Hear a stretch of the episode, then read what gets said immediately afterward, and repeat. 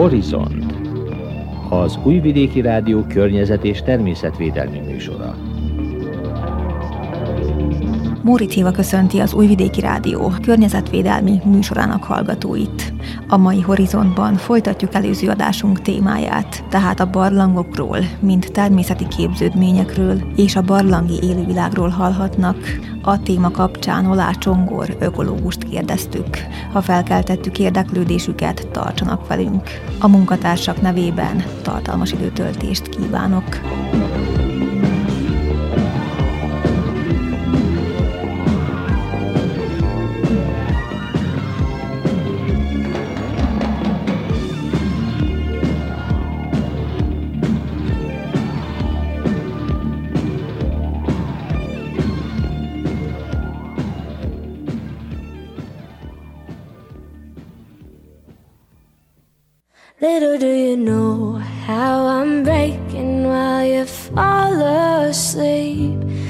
Little do you know I'm still haunted by the memories.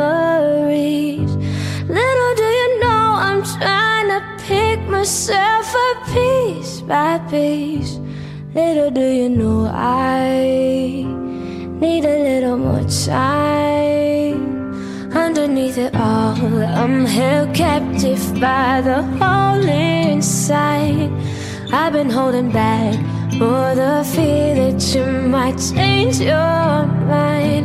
I'm ready to forgive you, but forgetting is a harder fight. A little do you know I need a little more time.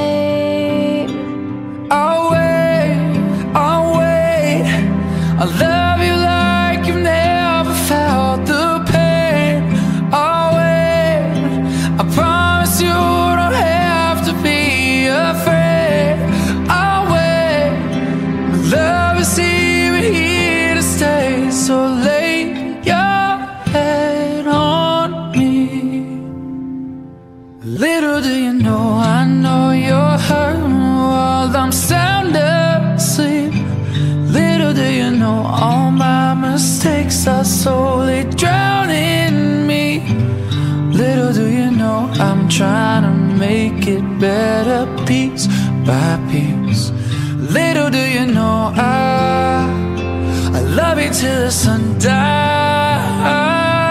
Wait, just wait. I love you like I've never felt the pain. Just wait. I love you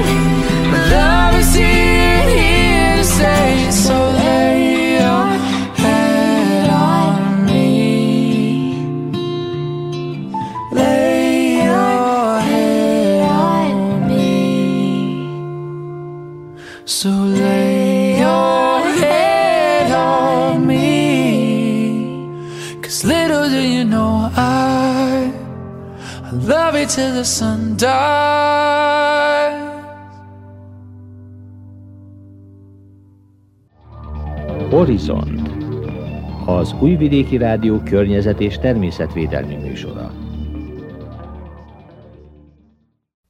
A barlangok keletkezéséről, típusairól és a barlangi élővilágról Olá Csongor ökológust kérdeztük. Miklós Csongor hangfelvétele. Barlangi halak vannak, többféle barlangi hal van, és Európa egyes országaira jellemzőek is, a Balkán félszigetre nem kimondottan. Nálunk külön barlangi hal nincs. Ezek a halak általában a hűsz és a kárászfélék közül kerülnek ki, vagy valamilyen trópusi halfajok közül.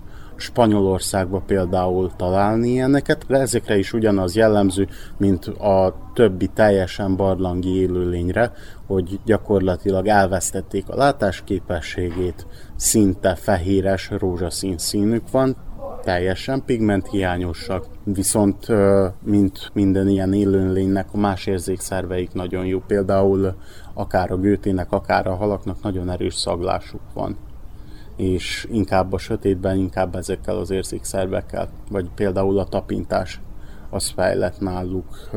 Egyeseknél megfigyeltek különböző elektromos rezgésekre való reakciókat, észleléseket, illetve a mágneses megfigyelték egyeseknél azt, hogy ha bár állandó sötétségben élnek, képesek követni a, az árapály jelenséget, vagyis a mágneses erőnek a változását. Tehát nagyon érdekes dolgok lényegében az evolúció csodái. Maga a barlang, lassan eljutunk ide, hogy maga a barlang, mint ökoszisztéma hogyan is működik. A barlangok magukban zárt rendszerek, zárt ökoszisztémák, és nagyon érdekes különben, hogy bár megfigyelhető vándorlás a különböző barlangok állatvilága között, vannak részek, és ezeket különböző földrajzi határok jelölik, amik nem feltétlen kell, hogy egy Kárpátok vagy Dinaridák méretű hegységet jelentsen, hanem esetenként elég egy körülbelül 30 centi széles folyó is ahhoz, hogy ez egy ilyen földrajzi gát legyen, ami befolyásolja azt, hogy az adott barlangban milyen élővilág alakul ki.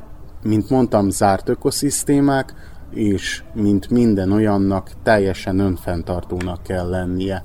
Tehát kell egy alaptáplálék, amivel a barlang lakó élő lények táplálkoznak.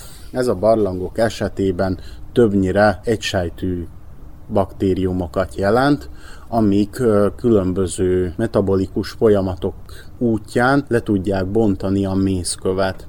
Vannak viszont olyan más egysejtűek és algák, amik például az agyakban, az agyakból vonják ki az ásványokat, és ezeket tudják földolgozni. Minden többsejtű élőlény ezekre az egysejtűekre épül föl a barlangokban, illetve arra, hogy a barlangokba akármennyire is zárt rendszerek a külső hatásoknak köszönhetően néha bekerülnek bizonyos szennyeződések. Gondolok én most akár egy eltévedt állatra, ami, ami bebotorkált a sötétbe és soha többet nem tudott kijutni, vagy nem talált ki, akár egy ö, valahogy bekerült áradás során bekerült fadarabra, vagy bármire. Ezek a táplálék morzsák, vagy ezek az időszakonként megjelenő táplálékok, ezek ö, adják a, a barlangi tápláléklánc alapját. A barlangi élővilágban nagyon fontos szerepet töltenek be, és nagyon nagy számmal képviseltetik magukat a lebontók. Ide tartoznak például a különböző laposférgek, gyűrűsférgek, ide tartoznak az ászkarák félék, a, a villásfarkúak, a különböző édesvízi rákok, gondolok itt most a primitívebbekre, mint például a bolharák. Ezeknek mindnek vannak saját teljesen barlangi, vagyis troglobiont fajai, és ezek gyakorlatilag vagy ezekkel az egysejtőekkel táplálkoznak, vagy pedig a felszínről érkező különböző szennyeződéseket bontják le. Minden más ízeltlábú ezekből él, vagy ezekkel táplálkozik. A barlangokban, bár kevés számban, de képviseltetik magukat a, a bogarak is, vagyis a kemény szárnyúak, a koleopterának a, a rendjébe tartozó ízeltlábúak is, többnyire ezek különböző futrinka félék, amiknél egyes fajoknál szintén kialakult a teljes pigmenthiány és a látásvesztés, viszont másoknál pont fordítva felerősödött a szem, mert hogy ők vadásznak, és érdekes, hogy szinte minden barlangi állatnál megfigyelhető a végtagok megnyúlása, ő náluk is ezeknél a futrinkáknál is megnyúlnak a végtagok, és barlangi viszonyokhoz képest, tehát itt azért meg kell említeni, hogy hidegvérű állatokról beszélünk 10 fokos környezetbe, barlangi viszonyokhoz képest a futrinkák azok az egyik leggyorsabb élőlényhez, vagy az egyik leggyorsabb élőlények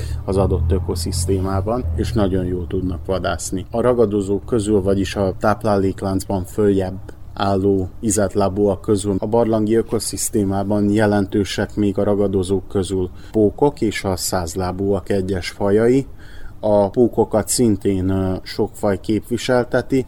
Itt is van nagyon sok, ami, ami nem feltétlen direkt barlangi életmódot választott, viszont megfelel neki az állandó hőmérséklet és az állandó sötétség. A külszínről is bemennek pókok a barlangokra, sőt, nagyon érdekes jelenség a nem igazi pókok, hanem a kaszáspókok családjába tartozó opilionoknak a téli telelése a különböző barlangokba, ez Szerbiában a Tarán is például megfigyelhető. Amikor ők télire behúzódnak, ezek többnyire erdei pókokról beszélünk, télire behúzódnak különböző barlangokba, és egy-egy ilyen helyen akár 10-15 millió egyed is összegyűlhet. Gyakorlatilag úgy néz ki az egész barlang, mint hogyha az összes falat pókokkal borítanák, és gyakorlatilag mozog az egész. Nagyon érdekes és mindenképpen felkavaró látvány, mert gyakorlatilag nem tudja az ember úgy lerakni a kezét, hogy onnan ne szaladjon el egy pók, amikor éppen a földet akarja megérinteni. Mondhatjuk azt is, hogy aki nem szereti a pókokat, ne menjen, de nem feltétlen ilyen, ez gyakorlatilag egy néhány hetet fölölelő időszak, ami után ezek a pókok visszamennek a, a vadonba, és gyakorlatilag csak telelésre használják a barlangokat, viszont vannak egyes fajok, amik egész életüket itt élik le. Ők szintén ezekkel a különböző ászkarákfélékkel, és kisebb ezerlábúakkal, százlábúakkal táplálkoznak. Vannak köztük olyanok is, amik hálót szőnek, de a legtöbbjük az csak pici hálókat sző. Ez a pókoknál is egy gyakorlatilag evolúciós fejlődés az, hogy a primitívebb pókok azok relatív egyszerűbb hálókat szűnek, mert még nem fejlődött ki a hálószövésnek a, a megfelelő képessége. She's taking the time, making the reasons to justify all the hurt inside. Guess she knows from the smile and the look in her eyes. Everyone's got a theory about the middle one. They say I'm another left much that he never keeps in touch. That's why she shies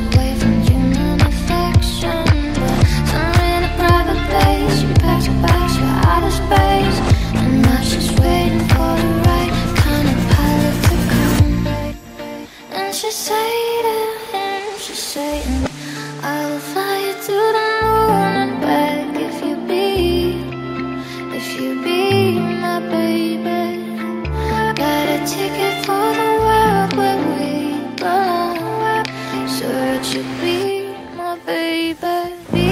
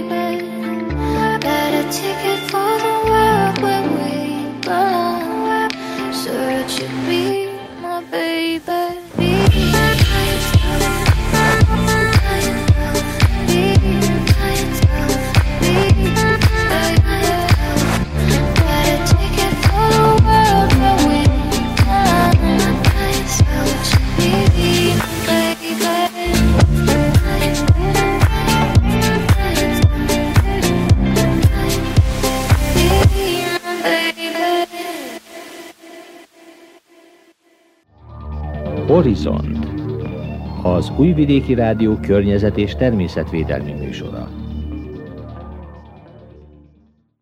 A továbbiakban is Olácsongor ökológust hallják, akit a barlangokról, mint természeti képződményekről és a barlangi élővilágról kérdeztünk. A másik olyan élőlény, ami jellemző a barlangokra, és nagyon fontos szerepe van az egyes barlangok ökoszisztémájának az alakulásában, az a denevér. Denevér fajokból a Balkán félsziget, és gyakorlatilag a Balkánfél sziget a Kárpát-medencével kiegészítve is egészen jól áll. A kettőn együtt majdnem 30 különböző denevérfajt ismerünk, és ezek többnyire, ha nem is egész évben, de telelésre használják a barlangokat. A denevérek egyes fajai pár száz, egyedből álló kolóniákat alkotnak, de vannak olyan kolóniák is, ahol akár a tízezret is meghaladhatja a kolónia száma. A denevérek kint vadásznak, viszont a barlangban alszanak, és hát a kisebb-nagyobb dolgaikat is ott végzik el aminek a mellékterméke a denevér ürülék, vagyis a guánó, ami egy egészen kínes szagú váladék, és relatív sok tápanyagot tartalmaz. Ezt a guanót az iparban is felhasználják a különböző ásványi anyag tartalma miatt, például foszfor alapú műtrágyákat, meg kén alapú műtrágyákat állítanak elő belőle az iparban, de pont ez a tulajdonsága miatt azokban a barlangokban, ahol denevérek is vannak, megfigyelhető egy, egy nagyobb fajgazdagság, mert azzal, hogy ők jelen vannak, több lebontó jelenik meg, több fajta lebontó jelenik meg, és számbelileg is megnő a barlang népessége, és ezáltal a kezdő barlangkutatóknak mindig jó jel az, hogyha, hogyha látják, hogy a barlang szájánál van valamilyen aktivitás, vagy van benne nevér, mert akkor biztosak lehetnek benne, hogy valamilyen ízeltlápot bent mindenképpen találni fognak. A másik része, ami a denevérekhez tartozik, az a denevéreken élő paraziták. Innen kiemelném a denevérnek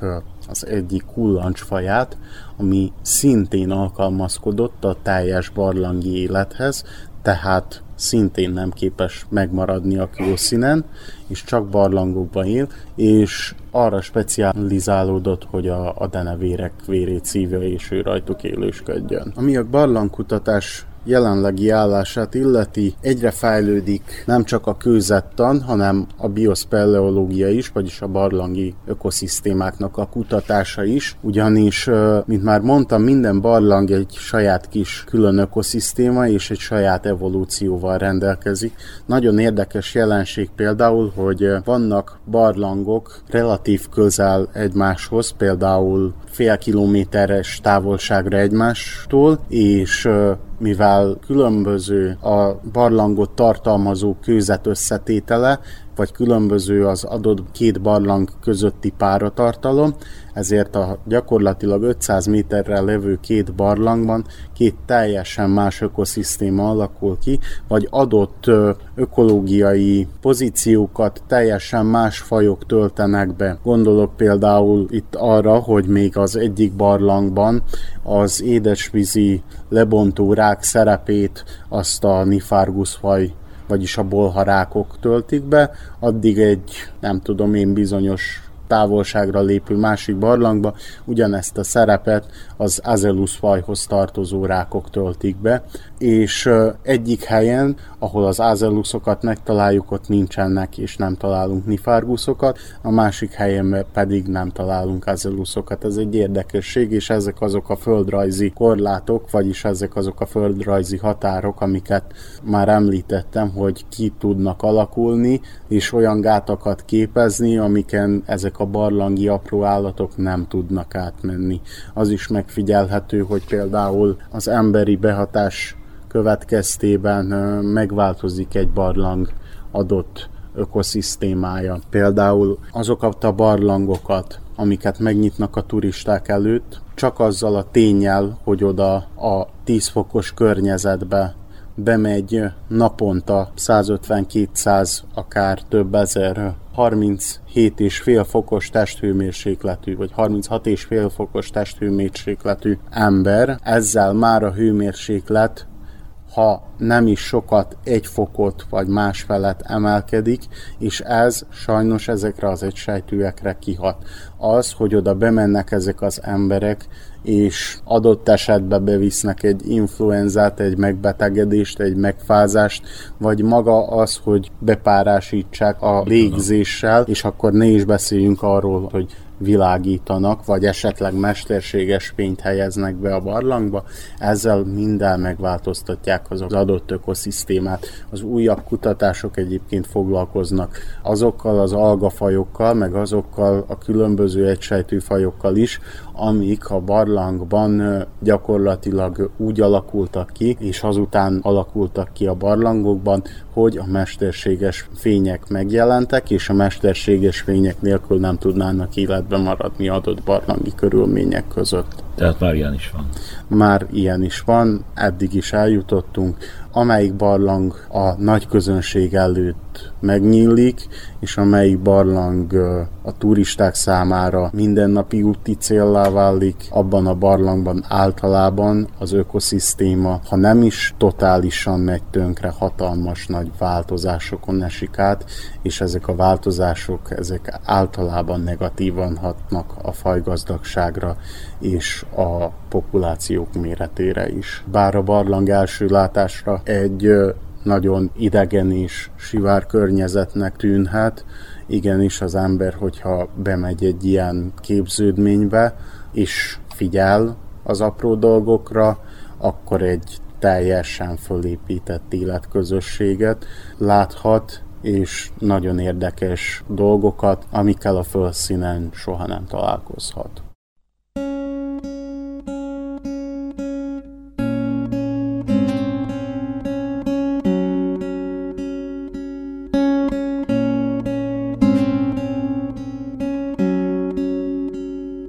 Az Újvidéki Rádió környezetvédelmi műsorát hallgatták, amelyben a barlangok keletkezéséről, típusairól és a barlangi élővilágról hallhattak. A téma kapcsán Olá Csongor ökológust kérdeztük.